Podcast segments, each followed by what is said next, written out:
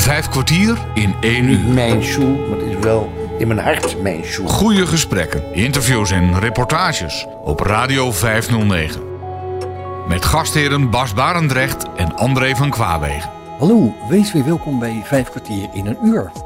Dit is het laatste deel van de serie over de synagoge in Enschede.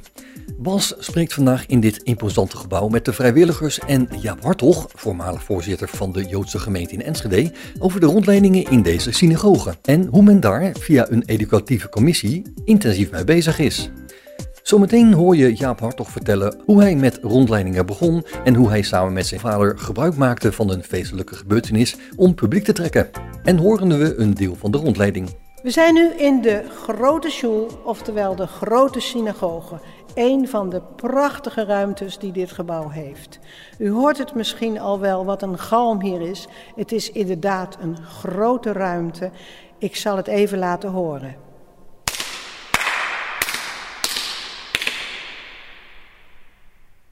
Hier zaten toen de synagoge is gebouwd in 1928 ongeveer 600 mensen.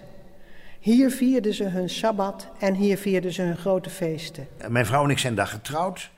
Uh, meestal trouw je in de plek, op de plaats waar de, waar de, de, de, de bruid vandaan komt. Mijn vrouw komt uit een dorpje in Brabant. En daar was geen synagoge. En uh, zij vond het ook wel, mijn schoonvader vond het prachtig om daar uh, een, een, huwelijk mee te maken in de synagoge. Dus mijn vrouw en ik zijn daar 43 jaar geleden getrouwd.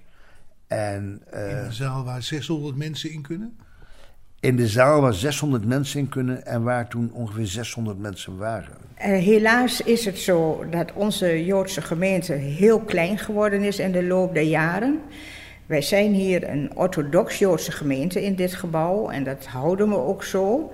Dat betekent dat wij uh, de Joodse wet volgen zoals die gegeven is in de Torah.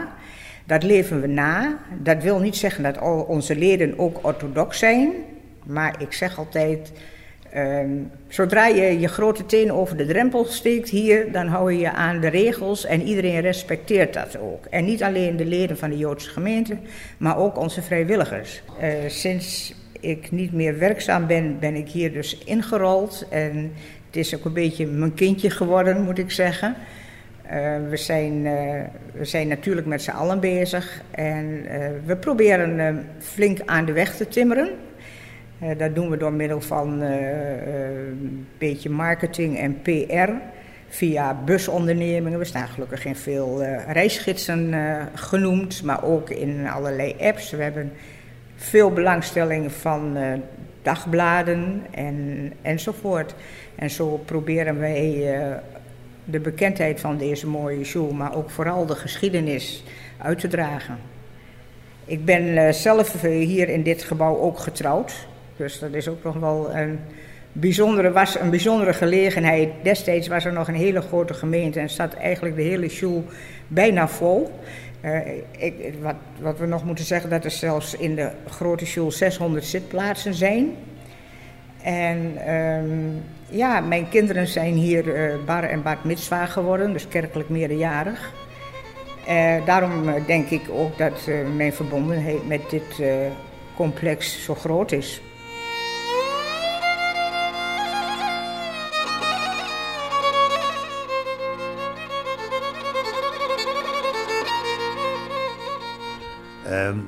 Mijn vader heeft vooral veel reclame gemaakt dat zijn zoon daar ging trouwen. En dat het ook voor niet-Joden, want we deden heel veel rondleidingen. Zo, mijn vader als ik hebben jarenlang voor de, restauratie van het gebouw rondleidingen gegeven voor groepen belangstellenden.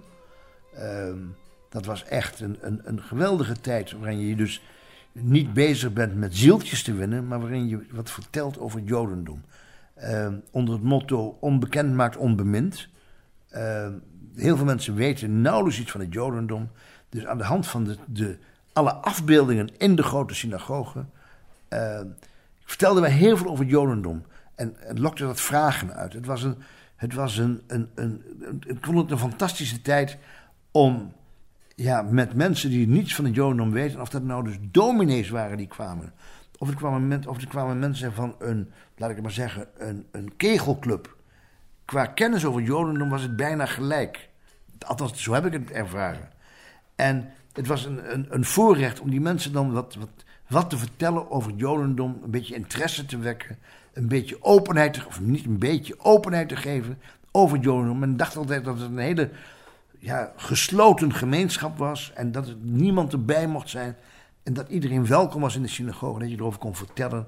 Dat was een fantastische tijd. En ja, in feite, en dan kom ik weer terug bij dat het groepje dominees of dat kegelclubje.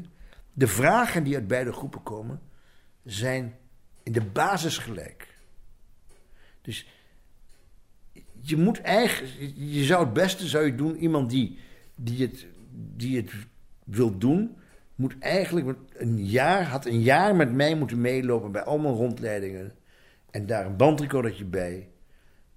Want dan krijg je de informatie die de mensen allemaal vragen. Dus ja, mijn vader heeft gezegd: Oh ja, als je een keer een bruiloft wil, uh, op, die, die 25 juni is hier een Joods huwelijk. Nou, dat was, waren dan mijn vrouw en ik. Dus de synagoge was vol.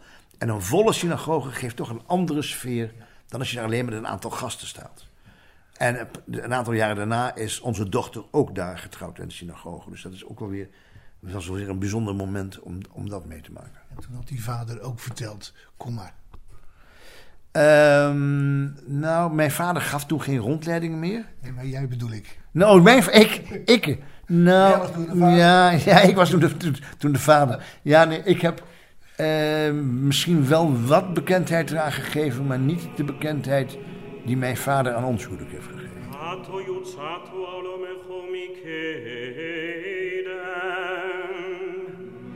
גילי ומלאכתך וביום השביעי, אוהבתו עושנו, ורוצי סובונו, ורממתונו מכל הלשנה, וקידשתו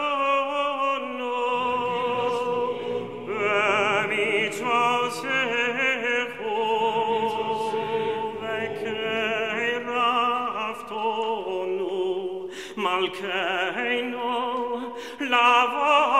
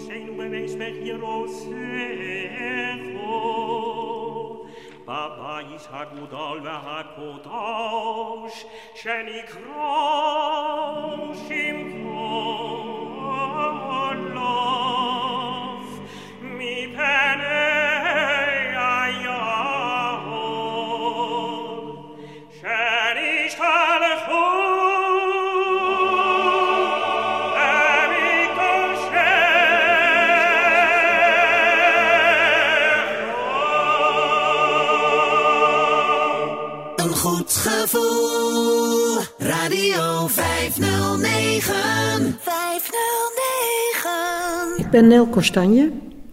Uh, in de loop van de tijd heb ik uh, allerlei plannen ontwikkeld, samen met collega's, vrijwilligers. De naam Frank is al gevallen, daar heeft Leon over verteld. En Frank en ik zijn samen begonnen met het opzetten van de educatieve commissie. Dat betekent dat wij ons bezig gingen houden.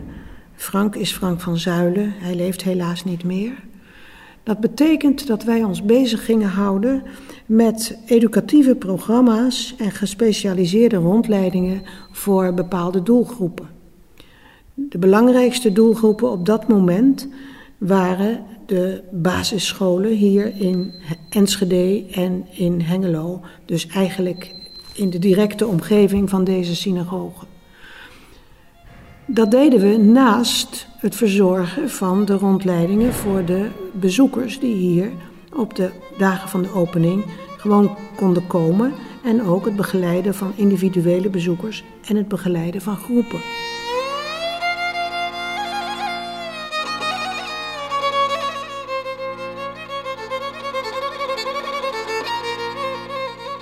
Dan wil ik nu graag iets verder vertellen over deze prachtige ruimte. Ik stel voor, er is een grote koepel. Dat is al beschreven bij de beschrijving van het gebouw. En boven in die koepel, die is heel groot, 18 meter een diameter. Bovenin die koepel is een prachtige zilveren Davidster. Daarna ga ik naar beneden en zeg ik iets over medaillons onderaan die koepel. En ik eindig in de grote ruimte waar wij nu in het midden staan. De synagoge in Hengelo is al heel lang geleden uh, verkocht. Het was uh, ook niet zo. Het ging ons ook, ja, uiteraard de leden uit Hengelo, maar niet iedereen zo aan het hart, want het was geen monumentaal gebouw. Het was al na de oorlog gebouwd. En in Almelo was het ook een vrij nieuw klein gebouwtje, wat we ongeveer een jaar of zeven, acht geleden verkocht hebben. Maar uh, die wel waren natuurlijk allebei ingericht, die uh, synagoges. We hebben uh, sommige onderdelen daarvan zijn hier ook te bewonderen. We hebben een hele mooie heilige ark die echt heel bijzonder is uit Almelo. Die staat in onze feestzaal. We hebben een hele grote Chanukkia, de negenarmige kandelaar, die staat in de centrale hal. En wat Torah-rollen en lessenaars en dingen zijn we ook nog nu aan het opknappen. Een van onze vrijwilligers kwam toevallig vanmorgen met een lessenaar uit Hengelo, die uh, tijdelijk gestald was in de kelder. En uh, waarvan wij dachten, nou, dat is eigenlijk jammer, die moet, uh, die moet gezien worden. Maar hij was nogal beschadigd en hij is nu net hier aangekomen en hij ziet er weer picobello uit. Die kan prachtig restaureren. Zo hebben we ook een heel mooi bord met de tien geboden in, in de klaslokalen hangen. waarvan uh, met gouden letters opgeschreven was, wat beschadigd is, die hij ook helemaal heeft gerestaureerd. En uh, zo komen we nog wel eens dingen tegen die we dan toch weer gaan opknappen en die hier ook te zien zijn als herinnering aan de voormalige Joodse gemeentes in Twente. Ik begin dus bovenin. Daar is de Davidster. En in die Davidster staat een letter van het Hebreeuwse alfabet, de He.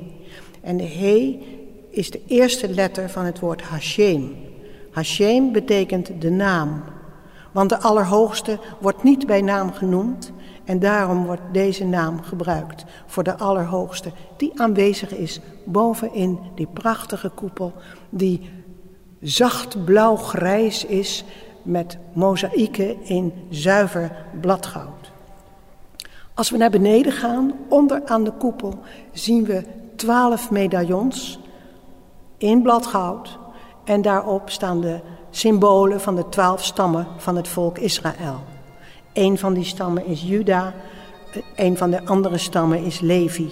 De twee stammen die nog bekend zijn van de andere stammen, weten we niet hoe ze vermengd zijn met omringende volkeren.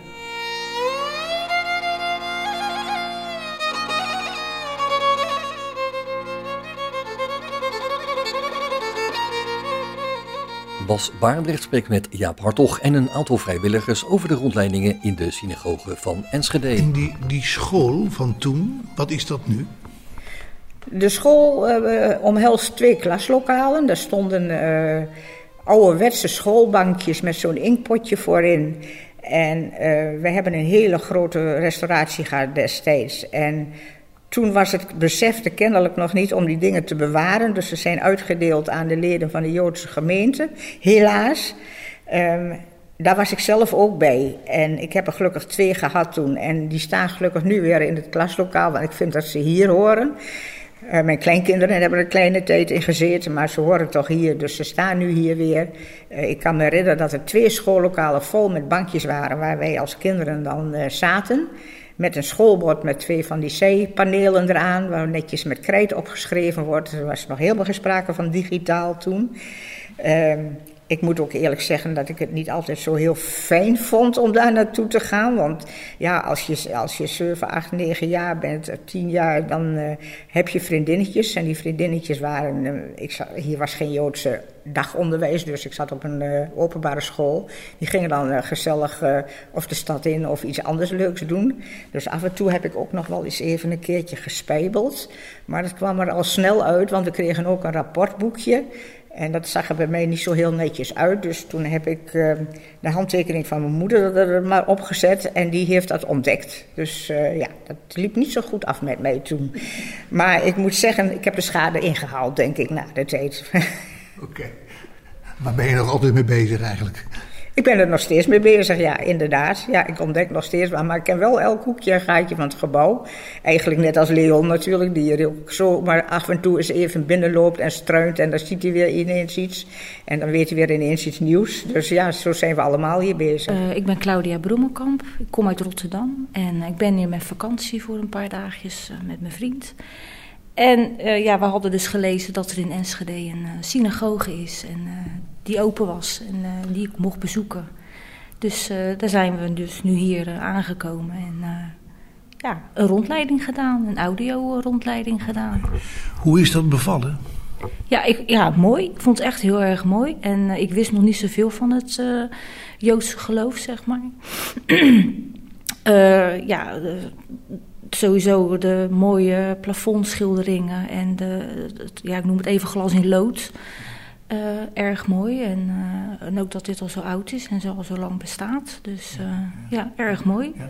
En het wordt ook goed deels gedaan door vrijwilligers. Ja, heb ik ook gehoord. Dus dat ja, is fantastisch. Dat er vrijwilligers zijn die, ja, die dit gaande houden, zeg maar. Dus, ja. Wat is u hier nou opgevallen? Nou, wat mij is opgevallen, ik vind het erg donker qua uh, de, de, aankleding van alles. Ja. En um, het plafond vond ik erg mooi. Was dat uh, met dat blauw en dat, uh, ja, een beetje dat zilverkleurig of goudkleurig. Ik weet niet meer zo goed wat het was. En um, ja, toch ook wel de stilte en, en de, de, het, het, het ja, toch een beetje het mystieke wat je hier ook wel ziet. Uh, de betekenis, de symboliek en uh, de cijfers en zo. En uh, ja, ik vind dat toch wel heel erg mooi. Ja.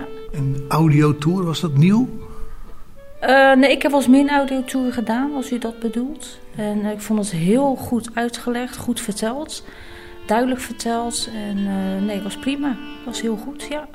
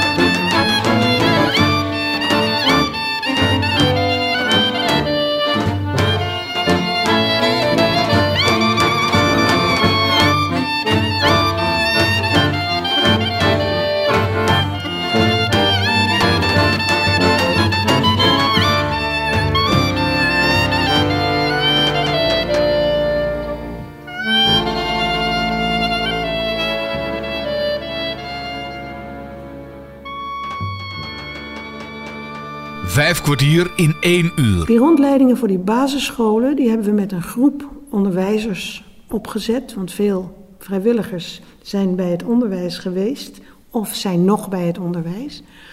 Die, voor, voor die basisscholen hebben we een uh, gespecialiseerde rondleiding op, opgezet. Die duurt um, drie keer twintig minuten en dan worden er drie belangrijke locaties bezocht.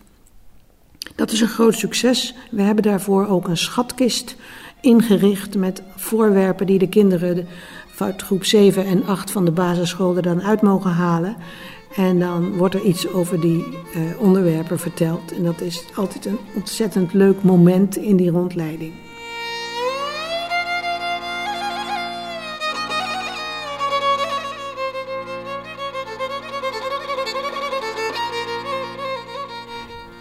Daarnaast begon ook de behoefte te bestaan aan rondleidingen voor mensen, studenten en scholieren buiten de basisschoolleeftijd. En we hebben toen ook die rondleiding uitgebreid naar de onderbouw van het voortgezet onderwijs, aangepast natuurlijk aan de leeftijdsgroep. En toen kwamen we op het spoor van een project dat in de liberale synagoge in Amsterdam was begonnen. Die liberale synagoge, er werd een nieuwe gebouwd vlakbij de Rij, naast een ROC. En dat liep niet zo lekker. De muren waren nog geen meter hoog of de vijandelijkheden begonnen al. En toen heeft de directie van het ROC en de leiding van de synagoge in Amsterdam het plan opgevat om de mensen met wie het niet zo lekker liep, die studenten van het ROC, om die binnen te halen. Dat is een enorm succesvol project geworden. Dat heet Leer je buren kennen. Wij kwamen op het spoor van Leer je buren kennen via een televisieuitzending. En toen dachten we, dat gaan we ook doen. We hebben contact gezocht met de mensen van de synagoge in Amsterdam. En dat is tot een samenwerking gekomen. En wij, dat is dus die educatieve commissie waar ik het over had. Dat is tot een samenwerking gekomen en sinds een jaar of vijf bieden wij ook dit programma aan, Leer je buren kennen, in Twente. Dat is heel enthousiast ontvangen. Het geheim daarvan is dat de gesprekken die er met de studenten van die ROC's worden aangegaan, niet wordt gedaan door ouderen vrijwilligers, maar door jongere Joodse studenten ook die daarvoor zijn opgeleid. Die hebben we hier niet. Dus als er groepen hier komen, dan mogen we Joodse studenten, Joodse jongeren uit Amsterdam hier uitnodigen. En die gaan dan hier in één of twee dagen met zo'n zeven of acht groepen achter elkaar aan, gaan die met de jongeren in gesprek. En dat is een geweldig succes. Dat is voor jongeren van het ROC en voor studenten van het HBO en dan vooral de PABO omdat die studenten weer in aanraking komen met andere jongeren, met uh, scholieren. En op die manier de opgedane kennis en ervaring kunnen uitdragen naar andere groepen jongeren. Dat uh, project dat, uh, bestaat nog steeds. En wij hopen allemaal dat als de beperkende maatregelen die nu nog steeds gelden voor grotere groepen, als die opgeheven worden, dat we dan hier weer studenten en jongeren uit Amsterdam mogen ontvangen voor ons prachtige project. Vijf kwartier in één uur. Bas Baarder spreekt met Jaap Hartog, voormalig voorzitter van de Joodse gemeente in Enschede en vrijwilligers over de rondleidingen in de synagoge van Enschede. Zoals je hoorde zijn er onder andere rondleidingen voor speciale doelgroepen zoals studenten en kinderen van de lagere school. En uiteraard hoort daar de groep visueel beperkte bezoekers ook bij. Je hoort Neel Kostanje van de Educatieve Commissie over hoe dat vormgegeven wordt. Op Radio 509. Gedurende de afgelopen maanden dat we geen grote groepen mochten ontvangen, begon er toch iets te kriebelen in onze educatieve commissie. En ik ben daar coördinator van, dus bij mij ook. En onze gedachten gingen toen terug naar die prachtige rondleiding die we mogen hebben verzorgen voor mensen met een visuele beperking. We konden daar misschien nog wel wat aan uitbreiden, aan veranderen. En daar hebben we het laatste drie kwart jaar aan gewerkt. Uh, met behulp van twee coaches die allebei blind geworden zijn. Een van hen is een oud collega van mij, van de Pabel. En in de afgelopen maanden hebben we hier dus gewerkt aan het uh, uitbreiden, ver, ver, verbeteren van de rondleiding voor visueel beperkten. En we zijn nu zover dat we uh, dit in de publiciteit kunnen gaan brengen en dat we hopen binnenkort de eerste individuen of groepen kunnen ontvangen met een speciale begeleiding die daarvoor ontworpen is. In het kader daarvan hebben we avonden belegd, die komende eind van de maand, om alle vrijwilligers die we hebben hiervan op de hoogte te stellen en te introduceren in de vaardigheden die zij moeten hebben om mensen van deze doelgroep uh, te ontvangen. Die themaavonden, die hebben we al sinds een jaar of twaalf. Die bieden we al aan aan alle vrijwilligers. Want wij leiden onze vrijwilligers ook zelf op. Mensen die hier binnenkomen als vrijwilliger, die worden door de educatieve commissie, door twee mensen daarvan, speciaal opgeleid om hun werk te doen. Rondleidingen te doen, gastvrouw te zijn, aan de balie te zijn als suppost om mensen te ontvangen. En dat hele traject duurt ongeveer anderhalve maand voordat je als suppost zelfstandig aan het werk mag. En als rondleider ongeveer drie maanden met heel veel zelfstudie. Dan bieden wij themaavonden aan met allerlei onderwerpen over de Joodse traditie, over Judaica en de kennis van uh, het gebouw en hoe het gebruikt wordt. En nu gaan dus die themaavonden in het kader staan van opleiding, training om mensen met een visuele beperking te ontvangen en rondleidingen voor hen te verzorgen.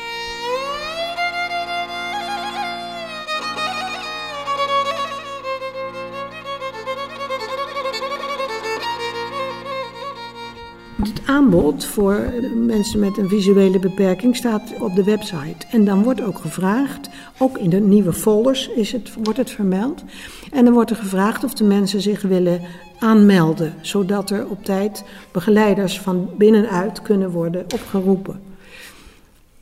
Um, zodra dat gebeurd is, versturen wij digitaal naar de mensen die zich aangemeld hebben de tekst die de, de audiotour uh, heeft, die hebben we aangepast. Uh, die sturen we naar die mensen toe, zodat, zodat ze zich kunnen voorbereiden op een bezoek aan deze synagoge. Voor sommige mensen is dat heel verwarrend, heel veel informatie ineens en dan hier komen. Andere mensen willen het achteraf beluisteren, of sommigen doen het ook twee keer, vooraf en achteraf. Maar we geven de mensen dus de gelegenheid om om, om, om alvast met voorbereiden, met kennis in de voorbereiding hierheen te komen, zodat wij kunnen refereren aan uh, wat er misschien al uh, beluisterd is. Dat hebben we dus. En verder hebben we tastbare materialen die Leon Brokers heeft ontworpen, maquettes, voelplattegronden, door Dedicon verstrekt, maar ook een full plattegrond door Leon gemaakt. En een grote maquette, een grote plattegrond en een kleine maquette en een kleine plattegrond. Die de mensen eventueel in de hand mee naar binnen kunnen nemen. Uh, als we een bepaalde ruimte betreden, dan kunnen we zeggen, nou, op die maquette ben je nu in deze ruimte. En dan is er wellicht wat oriëntatie mogelijk.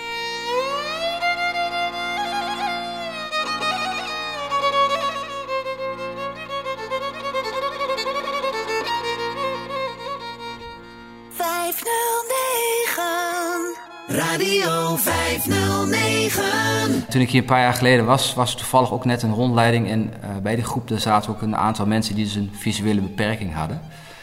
En um, ja, kijk, je kunt natuurlijk het verhaal kun je wel vertellen, maar ik zag dat en ik denk van, goh, misschien zou het wel heel mooi zijn als we nog iets zouden kunnen maken, wat je als ondersteuning zou kunnen maken voor, uh, voor mensen van, van die doelgroep, als ze dus hier komen. Dus toen dacht ik van, nou, wat zou je daarvoor moeten maken? Nou, en dat waren eigenlijk twee dingen. Dat was eigenlijk een, uh, wat mij handig leek, was dus een, een plattegrond hè, uh, in, in relief, zodat mensen kunnen voelen van, hoe zit het gebouw nou in elkaar? En een massamaquette van de buitenkant van het gebouw, zodat je kunt voelen van, hoe ziet het er aan de buitenkant uit? Um, hè, hoe zit het met de koepels en hoe is eigenlijk de, de, ja, de, de, de vormopbouw van het, uh, van het gebouw? Nou, die heb ik een paar jaar geleden heb ik die gemaakt. Die is ooit al een keer, uh, beide maquettes zijn ooit al een keer getest, een paar jaar geleden een keer met een behoorlijk grote groep. Ik geloof met, ik geloof met, twint, met 20 personen inderdaad. Uh, er waren dus inderdaad uh, mensen met een visuele beperking en hun begeleiders die waren hier. En die hebben dus toen inderdaad na de rondleiding ook aan de maquette kunnen voelen en ook kunnen voelen van hoe, hoe zit het gebouw nou eigenlijk in elkaar. En um, dit jaar hebben we gedacht van, goh, misschien moeten we daar nog iets, iets verder mee doen. Hè? En, en eens kijken, want kijk, ik heb natuurlijk deze modellen gewoon op, op gevoel gemaakt. Waarvan ik denk wat handig is. Maar ik heb natuurlijk zelf geen visuele beperking. Dus ik weet natuurlijk niet hoe iemand uh, het op die manier beleeft. Ik kan het alleen maar zo goed mogelijk maken. En toen hebben we eigenlijk met twee uh, mensen met een visuele beperking hebben we gekeken van, goh, hoe kunnen we, uh, hoe kunnen we toch nog ons materiaal die we hebben, hoe kunnen we die dus beter maken? En bijvoorbeeld een van de dingen die eruit bleek was bijvoorbeeld dat uh, de maquettes die ik al een paar jaar geleden gemaakt had, dat die waren vrij groot. Wat, uh, ja, wat voor sommige mensen misschien toch weer het lastig gemaakt. Omdat ze zeggen van ja, goh, we raken eigenlijk een beetje het overzicht raken we kwijt. Hè? Want het is, het is niet, niet handzaam, niet behapbaar. Het is zo groot. Dus we hebben gekeken van goh, misschien kunnen we het op een kleinere schaal, uh, op een kleinere schaal maken. Nou, dus eigenlijk in eerste instantie begonnen met een massamodel van de buitenkant van het, van het gebouw. Uh, daar had ik ooit al een keer een heel lief klein uh, modelletje van gemaakt, ook voor, uh, ook voor Irene. en we hebben, want we hebben namelijk sinds een paar jaar een 3D-printer op kantoor. Dus ja, je kunt eigenlijk allerlei vormen die je bedenkt, kun je, kun je daar heel makkelijk mee, mee 3D-printen. Dus van, van, van, die kleine, van die kleine maquetten heb ik dus een vereenvoudigde versie gemaakt. En ook gezorgd dat, hij natuurlijk een beetje, dat er geen scherpe hoeken en zo aan zitten. Maar het is eigenlijk een heel mooi klein handzaam maquettetje wat mensen ook letterlijk in hun hand kunnen houden. Waarmee ze dus in één keer uh, eigenlijk het, het, het, het, ja, het, hele complex eigenlijk in de vingers hebben. Ook, ook letterlijk. Hè, en kunnen voelen van hoe zit het nou in elkaar. En uh, als aanvulling heb ik daarna ook nog weer een nieuwe plattegrond gemaakt, ook in braille. En die hebben we op schaal, of ter grootte van een A4'tje gemaakt. En die stil ik op een plank. En het voordeel daarvan is dat je dus ook gezegd van, als je daar dus twee handen op legt, dan heb je eigenlijk bijna het hele gebouw ook al uh, uh, binnen, binnen handbereik. En nou ja, doordat, het, dus ook een harde, stevige ondergrond heeft, kun je bijvoorbeeld de plank ook op je schoot leggen en op die manier dus voelen hoe het in elkaar zit. En hoe is dat ontvangen door de doelgroep? Nou, in ieder geval de, de, de, degenen die, die ons hebben uh, geassisteerd hiermee, die waren er heel enthousiast over. Die waren er heel, uh, heel blij mee. Dus um, dat was in ieder geval natuurlijk al, al fijn om te horen. Kijk, je weet natuurlijk niet, het is, in beide gevallen was het wel zo, uh, als ik het goed zeg, dat volgens mij de beide personen die ons geholpen hebben, die zijn geloof ik niet blind geboren. Hè? Die, zijn, die zijn dus later blind geworden, dus die hebben ooit wel kunnen zien. Dus um, we hebben natuurlijk niet, niet iemand erbij gehad die al vanaf zijn geboorte een visuele beperking had. Um, maar in ieder geval, uh, hun reactie was in ieder geval enthousiast. Dus we hopen in ieder geval dat, dat ook uh, andere gasten uh, ja, net zo goed gebruik van kunnen, kunnen maken.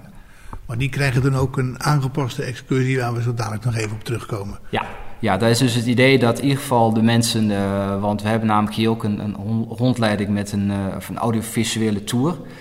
En uh, nou ja, daar bleek, uit bleek dat dat, want je moet ook allerlei knopjes tijdens het lopen indrukken. Dat bleek dus absoluut niet geschikt voor, voor mensen met visuele beperking. Dus daarvan hebben we gezegd van, goh, we zorgen gewoon dat de tekst in die rondleiding, dat de mensen die van tevoren ontvangen, zodat ze in ieder geval al een beetje informatie hebben, achtergrondinformatie.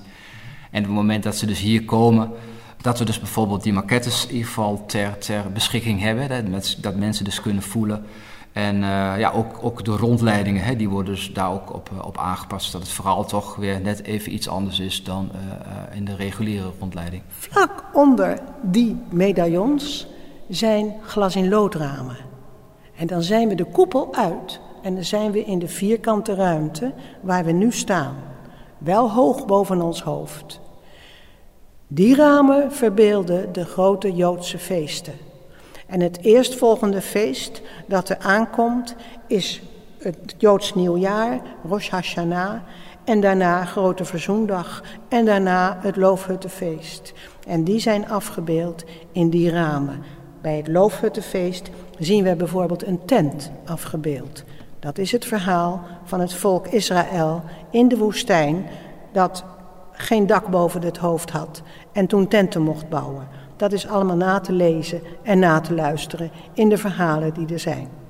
Dan gaan we verder naar beneden en staan we op de begane grond. Ik niet helemaal, ik sta op een verhoging midden in de ruimte, dat heet Bima. En dat is de plaats waarvan gelezen wordt en waarvan mededelingen worden gedaan. Als ik de juiste houding aanneem in die bima, dan kijk ik recht naar de heilige arken waar de Torahrollen staan. En als ik dan begin te lopen vanaf mijn plek naar die Torahrollen en ik loop door en ik loop door en ik loop door, dan kom ik in Jeruzalem uit, in een rechte lijn. Voor zover de beschrijving van deze ruimte.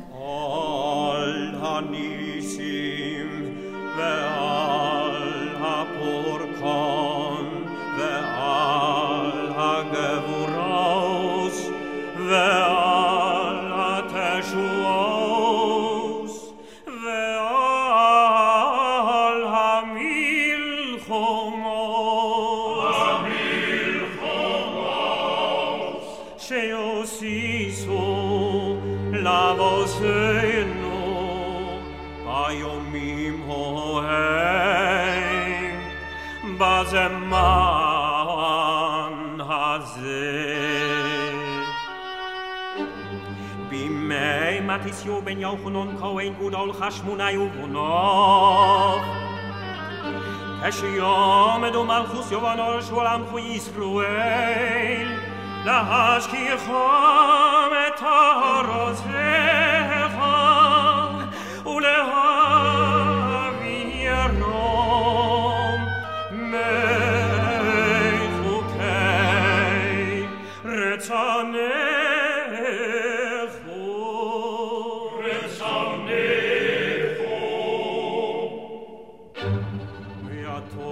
ויעטו ברחמיך רבים ומדתו להם ביסורוסם Rafto es rivom, tanto es dinom, no conto es mic mosam. Musarto giborim, ביד חלושים, רבים יד מעטים, טמאים יד טהורים. ורשועים, יד צדיקים, וסיינים, ביד עוסקים, שרוסכו.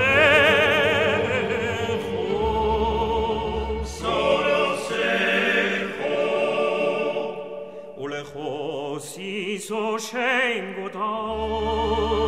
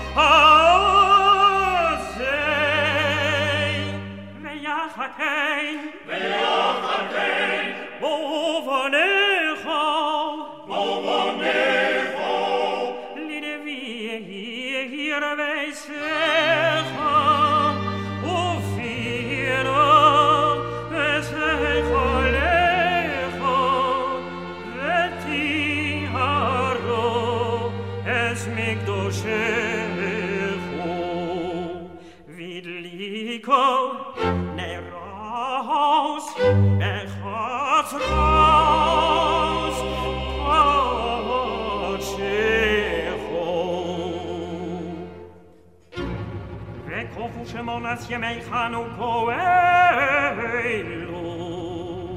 le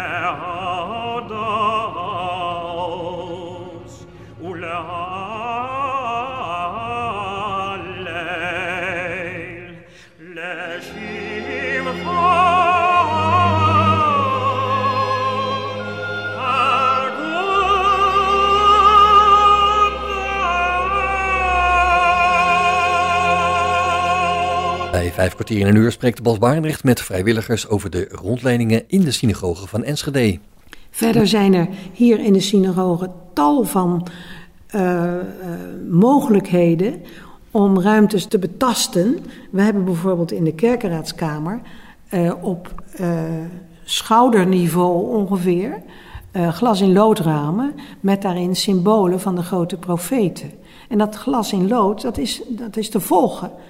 De, de contouren van die ramen zijn te volgen. En we hebben die ramen, andere ramen ook in de grote hal.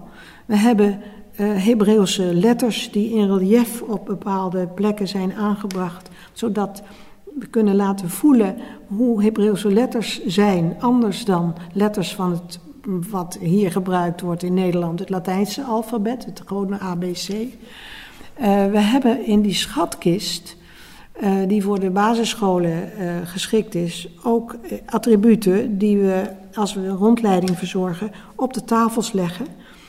En aan de hand van die attributen die voelbaar zijn, zoals een, een gebedskleed, een menorah, dat is een kandelaar, of een shofar, dat is een ramshoorn. Aan de hand van die attributen geven we dan een introductie in het Jodendom, zodat je auditief en sensitief bezig bent om het Jodendom en het gebouw te verkennen. Aan de hand van verhalen die dan daarbij worden verteld. En verder is het een kwestie van lezen, lezen. En luisteren. Lezen, lezen, luisteren. En ja, wat Leon zei, het gebouw in de vingers krijgen, letterlijk. We hebben heel veel materiaal dat we kunnen laten voelen.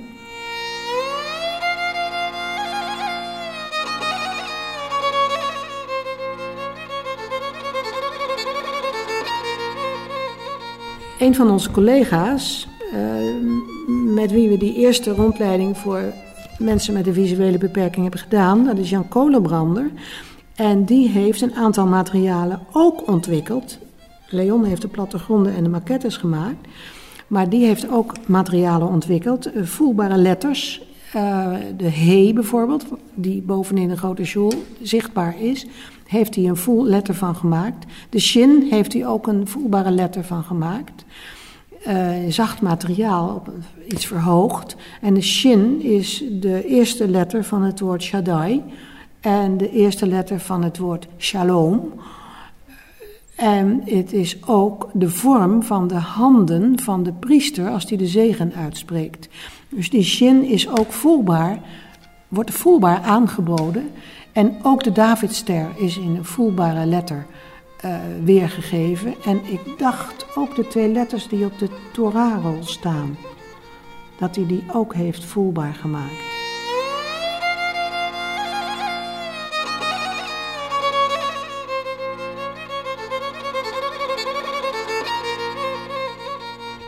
Uh, ja, ik wil dus nog even aanvullen met uh, het feit dat we op het ogenblik dan bezig zijn met rondleidingen voor te bereiden voor visueel gehandicapten, visueel beperkten.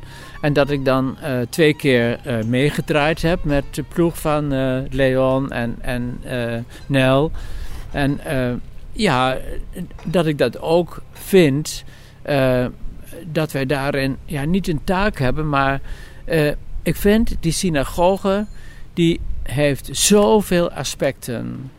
Op allerlei gebieden. Op religie, op filosofie, op kunst, op architectuur. Dat met dit gebouw kun je zo ontzettend veel dingen doen. Dat ik het heel prettig vind dat wij een groep mensen eh, met die beperking kunnen toevoegen aan de rij van bezoekers die hier komen. want ik heb ook altijd heel veel uh, plezier of ja, enthousiasme uh, in het feit dat hier ook uh, leerlingen van basisschool komen, leerlingen van middelbare scholen, jongvolwassenen. En dat we ook met dit gebouw kunnen bereiken dat je in die, sommige groepen waar de hele wereld in zit, dat je kunt, kunt bereiken dat uh, er respect voor elkaars religie komt en dat er tolerantie is. En dat we op die manier ook misschien een steentje kunnen bijdragen om het antisemitisme wat in Nederland zo opleidt te beperken. Al die dingen, dat zijn zaken die dit gebouw in zich heeft en waarmee je dus met rondleidingen heel veel kunt bereiken. En hoe meer mensen je bereikt, hoe beter het is.